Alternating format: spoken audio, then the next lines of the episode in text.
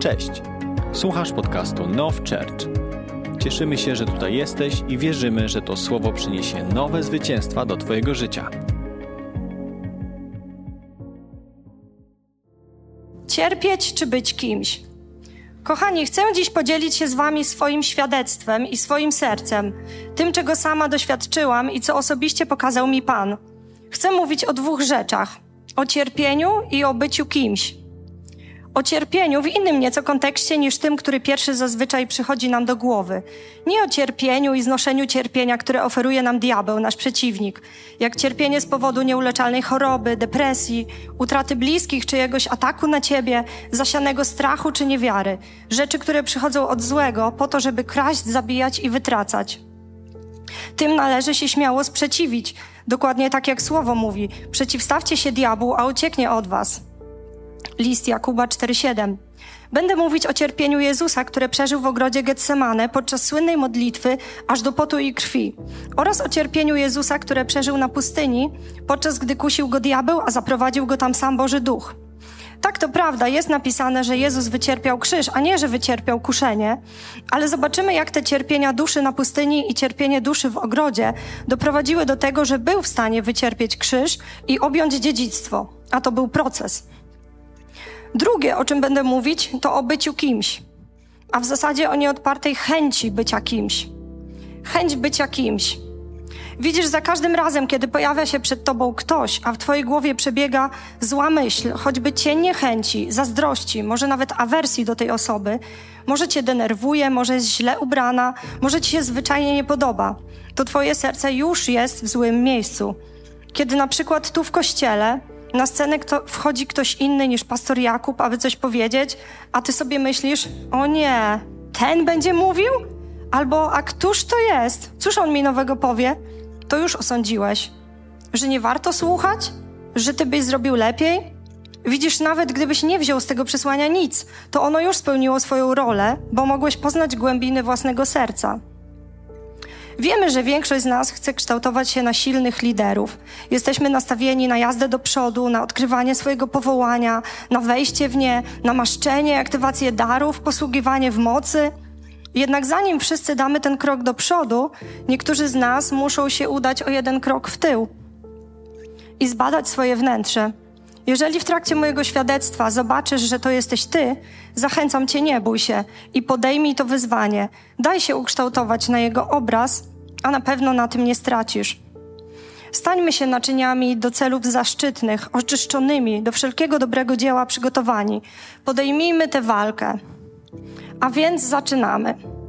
Kluczowym punktem całej tej historii, którą chcę się podzielić, było pewne niezapomniane dla mnie doświadczenie, które miałam przywilej przeżyć podczas This is Our Time 2021. Tak, 2021. Drugiego dnia wydarzenia, po którymś z tych haseł wzywających do zmian, odbyło się zaproszenie do modlitwy. Wyraźnie było to wyzwanie, na które moje wnętrze potrzebowało odpowiedzieć. Poczułam przynaglenie, aby wyjść pod scenę. Gdy tam dotarłam, była to właśnie ta chwila, w której wydarzyło się tak dużo, że ułamek sekundy można było zilustrować godzinnym filmem. Przed moimi oczami stanęły urywki życia z przeszłości, momenty, w których w ostatnich latach Pan uczył mnie oddawania różnych tak zwanych światowych rzeczy. I nie chodziło bynajmniej o jakieś oczywiste grzechy typu picie, palenie, marnotrawienie czasu na seriale czy jakieś kłamstwa. Chodziło o samopoczucie duszy, Jestem wdzięczna Bogu za wszystko, co mi dał, ale przez te lata też uczył mnie oddawać Jemu z serca to wszystko, co i tak było od Niego. Wyjątkowe wykształcenie, które na tamte czasy mi dawało wręcz nieograniczone możliwości, bardzo wysokie zarobki i dużą niezależność oraz przychylność wśród ludzi. Rzeczy, które same w sobie oczywiście nie są złe, ba, są dobre, są potrzebne, mogą i powinny być wykorzystane dla Bożej sprawy i budowania królestwa ale są przeszkodą w ich wykorzystaniu, kiedy nasze serce jest niezmienione, a człowiek nieprzerobiony. Przypomniałam sobie, jak obumierałam, kiedy mogąc, że tak powiem, zdobywać świat, siedziałam przez długie lata z małymi dziećmi w domu, kiedy Pan pracował nad moim charakterem, gdy decydowałam się iść na kompromisy, nie żądając już tego, co ja chcę, ale tego, do czego wzywa nas słowo.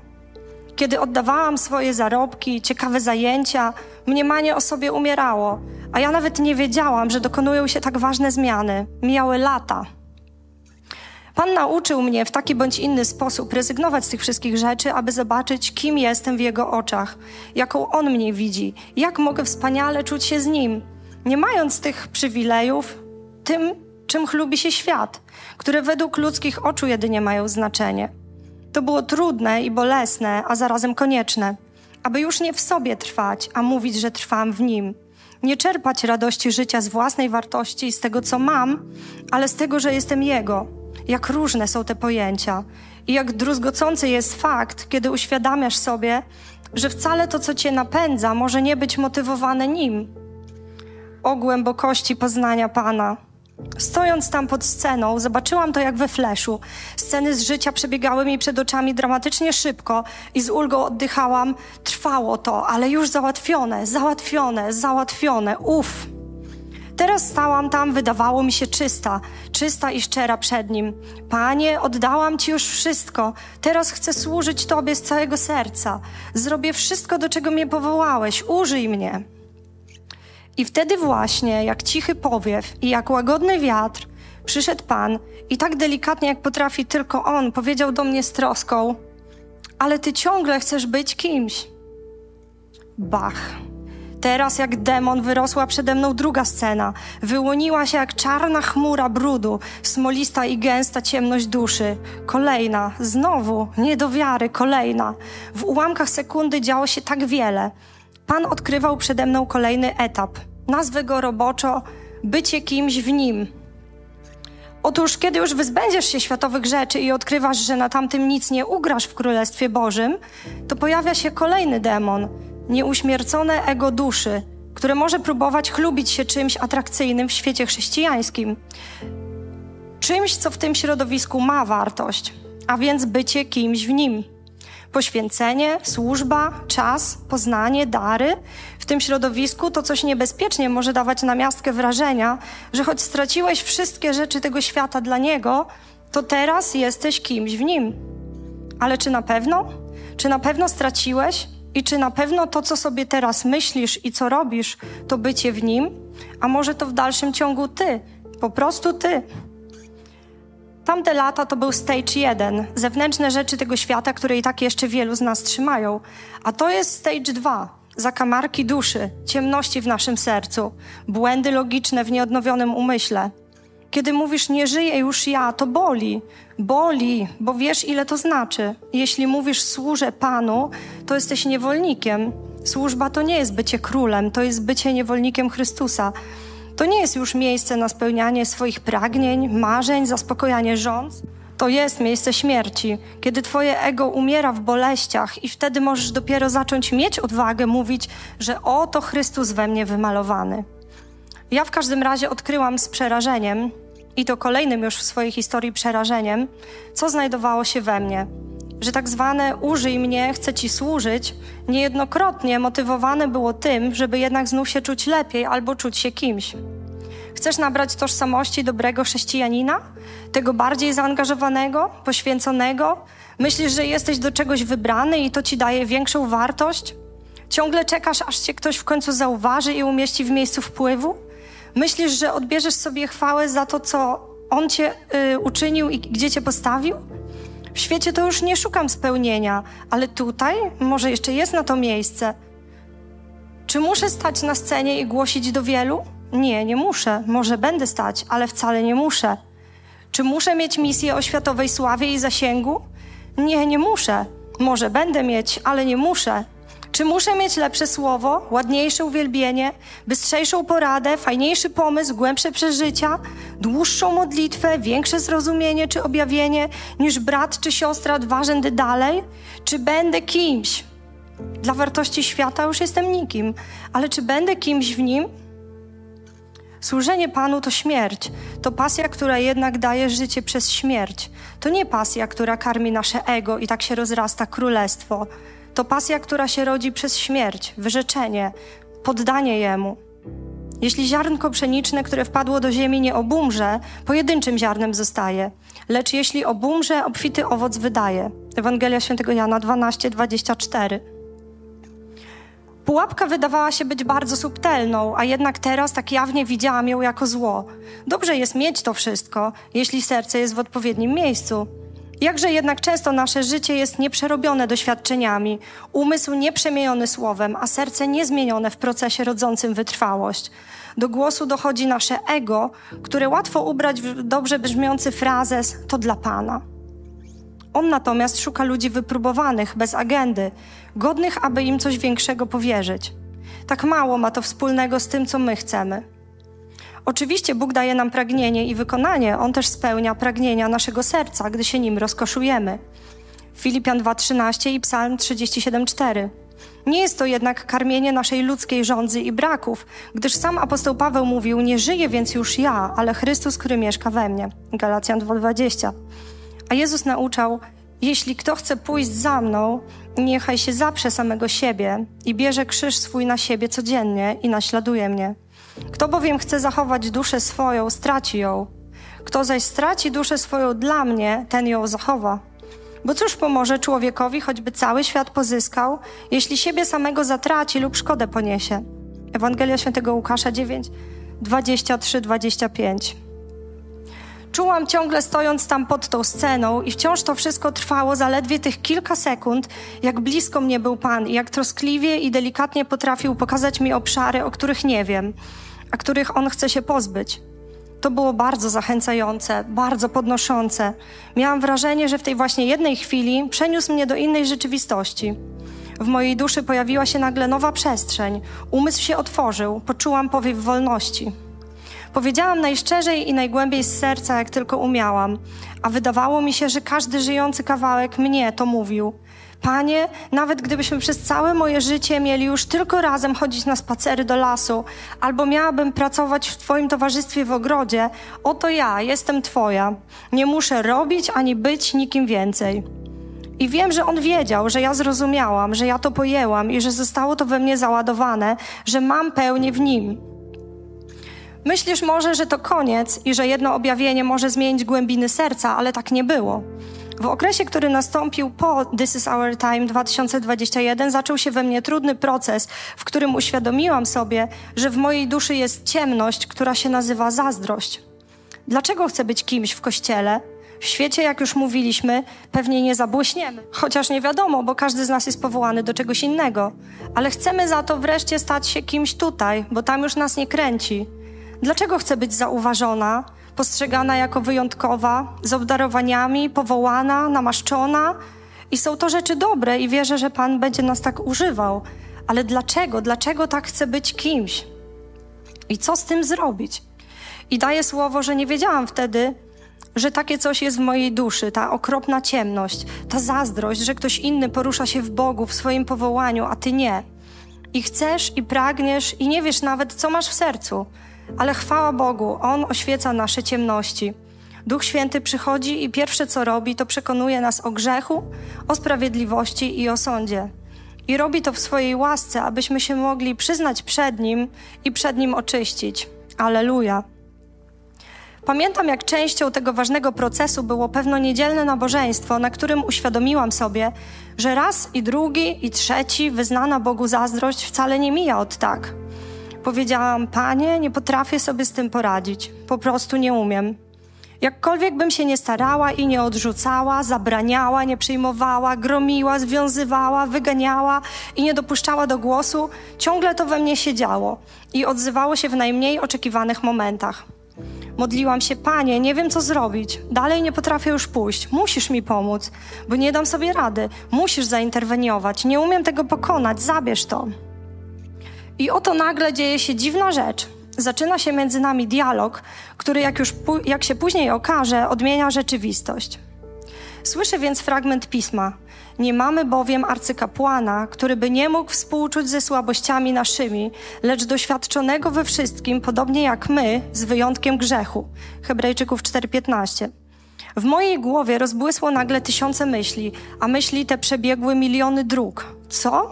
Jezus zazdrosny, doświadczony we wszystkim, a teraz wstawia się za nami, arcykapłan, współczujący ze słabościami, człowiek taki jak my, a jednak nie zgrzeszył i wstawia się za nami? Niesamowite. I wiem, że to, co dalej powiem, nie jest zapisane w Biblii i nie udowodnię wam, że tak było, ale załóżmy tylko i wyobraźmy sobie, że mogło tak być, nie robiąc z tego żadnej doktryny. Wiemy na pewno tyle, że Jezus był doświadczony we wszystkim, podobnie jak my, z wyjątkiem grzechu. A więc był doświadczony wszelkimi pokusami, ale nie poddał się im i nie zgrzeszył. Wiedział dobrze, jak to jest być kuszonym. Ba, były momenty, kiedy sam zmagał się usilnie i walczył z pokusami. I odpowiadam panu, no tak, wspaniale, doświadczonego we wszystkim, ale na pewno nie w zazdrości, tym obrzydliwym uczuciu. A on mówi do mnie, doświadczonego we wszystkim, podobnie jak my. I zrozumiałam wreszcie, że on również musiał mieć pokusę zazdrości. Ironicznie prawie wykrzyknęłam: Ta, niby kiedy? A w odpowiedzi usłyszałam: Wtedy, kiedy oni zostawali na świecie, a ja miałem iść na śmierć, na krzyż. Pomyślcie, tak mogło być. I Jezus też, choć był pełen ducha i mieszkała w nim cieleśnie cała pełnia boskości, mógł mieć i miał pokusy. Zamarłam i osłupiałam. Znów trwało to zaledwie ułamek sekundy i zobaczyłam jak film całe zmaganie Jezusa na pustyni, a także tę straszną walkę Jezusa pomiędzy duchem a duszą, którą stoczył w ogrodzie Getsemane. Jak był doświadczany we wszystkim. Mój Boże, Ty wszystko już za nas przeszedłeś, Ty mnie wyzwoliłeś, Ty tam byłeś. Wybuchłam płaczem i wtedy to pękło. Moja dusza została uwolniona, ciężar opadł jak ciężkie kajdany i poczułam wolność jasność i światłość. Mój kochany, Ty tego doświadczyłeś, uwolniłeś, zrobiłeś to dla mnie. Wstąpiła we mnie wtedy wielka wiara i pewność. Nikt i nic nie było już mi w stanie wmówić, że on sam tego nie przeszedł. On mnie rozumie, współczuje mi, zna to uczucie. Mamy arcykapłana doświadczonego we wszystkim, podobnie jak my, z wyjątkiem grzechu.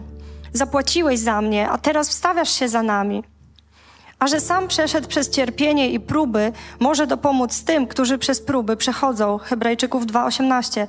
Przystąpmy tedy z ufną odwagą do tronu łaski, abyśmy dostąpili miłosierdzia i znaleźli łaskę ku pomocy w stosownej porze. Hebrajczyków 4:16. To była właśnie ta pora.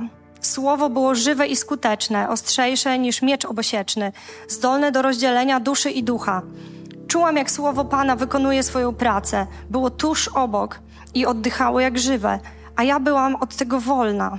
Aleluja. Więc co w tamtym ułamku sekundy pokazał mi Pan? Oczywiście każda historia w Biblii ma kilka warstw i to, jak ją różnie widzimy, zależy od tego, którą odsłonę w naszej drodze akurat nam Duch Święty objawił. Ja zobaczyłam coś takiego. Cała akcja zaczyna się od tego, że Jezus został przez Jana publicznie rozpoznany, wezna, we, wezwany do służby przez Boga Ojca i sam uzyskał potwierdzenie tego, słysząc głos z nieba. Teraz idzie na pustynię. Nie jako Bóg, ale jako człowiek, tak jak my, powołany, wezwany, z jakimś już objawieniem, z pewnym poznaniem, idzie na pustynię szukać Boga w swojej sprawie. Po 40 dniach postu spotyka się z Bogiem i on już wie, kim jest. Jest synem Boga. Tak samo jak i my teraz, ale on już to wie. Coś się właśnie wtedy dzieje, kiedy on już to wie, kim jest i co ma, i że jest synem Boga z całym pakietem dziedziczącym i ma moc, władzę i autorytet. Przychodzi wtedy diabeł i mówi: Zrób to dla swojej chwały, zużyj to na własne porządliwości. Zwróć uwagę, że diabeł nie mówi do Jezusa, jeśli masz moc. Czyli jeśli uwierzyłeś, że możesz poruszać się w mocy i masz pełnię wiary i nie wątpisz, to uczyń cud i zobaczymy, czy już to załapałeś. Nie. On mówi, jeśli jesteś synem Bożym, jeśli już to odkryłeś, kim jest Ojciec, kim Ty jesteś w Nim i że cała pełnia boskości mieszka w Tobie, że jesteś dziedzicem obietnic, przyjacielem Boga, domownikiem, reprezentantem wszystkiego, co do Niego należy i wykonawcą królewskiego planu tu na ziemi. Jeśli już to załapałeś i wiesz, to weź chociaż i zużyj to w trudnej dla siebie chwili na zaspokojenie własnej cielesności, porządliwości ciała. Ja wierzę, że tu nie chodziło tylko o to, że Jezus był głodny i go diabeł kusił głodem, kiedy on miał pościć. W tej odsłonie chodzi o to, że on był głodny i wiedział, że miał w sobie moc z racji dziedzictwa, które Bóg Ojciec już mu objawił, aby temu przeciwdziałać, a diabeł kusił go, żeby wykorzystał tę moc i swoją pozycję, którą już odkrył, aby ten głód cielesny zaspokoić. Versus trwać w miejscu próby, w którym na chwilę obecną postawił go Bóg. Coś mi to przypomina. A więc Jezus nie daje się na to złapać. Przechodzi pomyślnie próbę trwania w procesie, który wyznaczył mu ojciec. To jest o wielu z nas. Wiesz, do czego cię powołał? Może ktoś ważny już to potwierdził? Sam Jan Chrzciciel cię ochrzcił, niebo się otwarło, wielki plan i nagle zostałeś wrzucony do puszki. Ciśniesz się jak sardynka, nie masz miejsca rozłożyć skrzydeł. Wiesz, że niebo otwarte, że jesteś Synem Bożym i wtedy diabeł zaczyna przesiewać twój umysł. Bombarduje cię ognistymi kulami i myślami prosto z piekła. Masz nieodparte pragnienia i namacalne potrzeby, którym się nie da zaprzeczyć. I przeciwnik ci wtedy mówi: Go for it, to jest twój czas, pokaż co masz, pokaż wreszcie kim jesteś, bierz i jedz ten chleb. I niektórzy z nas niestety za tym idą. Czy muszę zostać uznany i zauważony? Jak pilnie potrzebujesz zaspokoić swoją potrzebę? Zachęcam Cię, dokończ proces, w którym umieścił Cię Ojciec. Trwaj, wytrzymaj, napełnij się Słowem, napełnij się Duchem. On jest naszym życiem i to w obfitości. Zapytasz może, ale dlaczego nie ja? A dlaczego nie mnie? A dlaczego nie mi? Odpowiedź dla niektórych z nas jest prosta, bo nie dorośliśmy jeszcze, bo nie mogę Ci powierzyć tego, co bym chciał. Musimy dorosnąć do wymiaru Chrystusowego. 13 lutego 2022 roku podczas modlitwy w językach usłyszałam, a wręcz wyszło ze mnie słowo, które jestem przekonana, że odnosiło się do nas, do naszego kościoła. A to, co wierzę, że Duch Święty o nas powiedział, brzmiało tak: Nie znają cierpienia i nie chcą cierpieć. Czy są w stanie dziedziczyć obietnice? Wiedziałam, że chodzi o cierpienie w kontekście cierpienia Jezusa podczas kuszenia na pustyni oraz później agonalnego wręcz cierpienia w walce w ogrodzie Getsemane.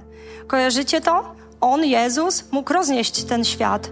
Mieszkała w nim cała pełnia boskości, cała moc Boża, cała władza i nad światem materialnym, i nad światem duchowym. Miał przychylność u ludzi, sławę, mądrość, słyszał Ojca non-stop, chodził w Jego woli, zmieniał świat, zaprowadzał Królestwo Boże, deptał i niszczył potęgę nieprzyjaciela, mógł zostać królem na tej ziemi. Żydzi chcieli go przecież ukoronować. Mógł chcieć tu zostać, kontynuować tę wielką misję. Trząsł przecież przez te lata całym królestwem ciemności.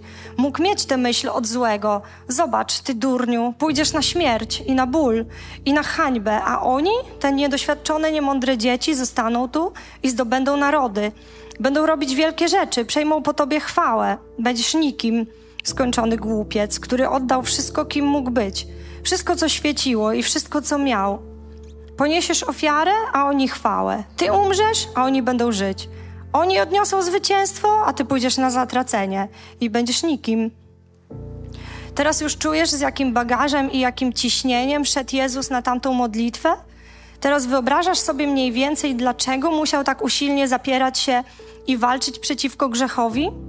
To nie był tylko strach przed wbiciem gwoździ, ani nawet przed wieloma godzinami agonii, że wołał: Ojcze mój, jeśli można, niech mnie ten kielich minie. To była walka z własnym ego. Dusza przeciwko duchowi. Najtrudniejsza walka. I co ciekawe, na przykładzie Jezusa jesteś w niej sam. Musisz ją stoczyć sam przed Bogiem, ty i ojciec, dusza i duch. Ojcze, wszakże nie jako ja chcę, ale jako ty. Nie moja, lecz twoja wola. A on cię wywyższy we właściwym czasie. Połóż to, co masz przed nim, połóż ambicje, marzenia i plany i pozwól mu zrobić to wszystko na jego sposób i w jego czasie. Albowiem nieznaczny chwilowy ucisk przynosi przeogromną obfitość wiekuistej chwały. Nam, którzy nie patrzymy na to, co widzialne, ale na to, co niewidzialne. Albowiem to, co widzialne jest doczesne, a to, co niewidzialne jest wieczne. Drugi list do Koryntian 4, 17, 18. Jezus był człowiekiem takim jak my, Odkrył swoje dziedzictwo w Ojcu, że jest synem, dziedzicem wszystkich obietnic i może wszystko, a teraz dowiedział się, że ma to zostawić tym słabym, niedoświadczonym uczniom, a sam położyć życie i pójść na krzyż. Jednak zdecydował się poddać całkowicie Ojcu, choć musiał zapierać się aż do krwi w walce przeciwko grzechowi. Wiecie, jak to jest zapierać się aż do krwi w walce przeciwko czemuś? Mój syn walczył kiedyś ze stomatologiem. Pięciu go trzymało, a on wierzgał rękami i nogami i wył z bólu. Kiedy ząb był skończony i zobaczyłam jego twarz, zamarłam. Cała buzia, a zwłaszcza oczy i powieki oraz szyja były pełne małych krwiaków. To samo dzieje się czasem przy porodzie. Zapierasz się tak mocno, kiedy trzeba przeć, że słabsze naczynka krwionośne pękają, a kropelki krwi rozlewają się pod de delikatną skórą szyi, dekoltu i wokół oczu. Pomyślcie, o ile więcej musiał zapierać się Jezus. On zdecydował się wybrać drogę i wolę Ojca, choć ta była drogą przeciwko własnemu ja. Zawierzył mu, że on w swojej dobroci i mocy prowadzi go do czegoś więcej.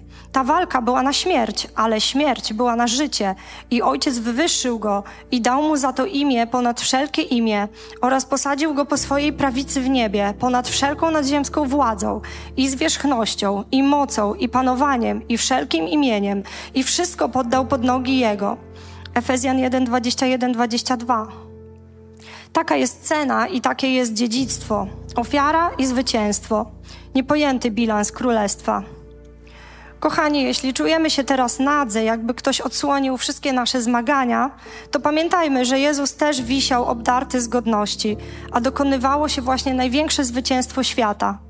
On rozbroił nadziemskie władze i zwierzchności i wystawił je na pokaz, odniósłszy w nim triumf nad nimi. Kolosan 2:15. Wierny jest ten, który was powołuje, on też tego dokona. Aleluja. Dziękuję.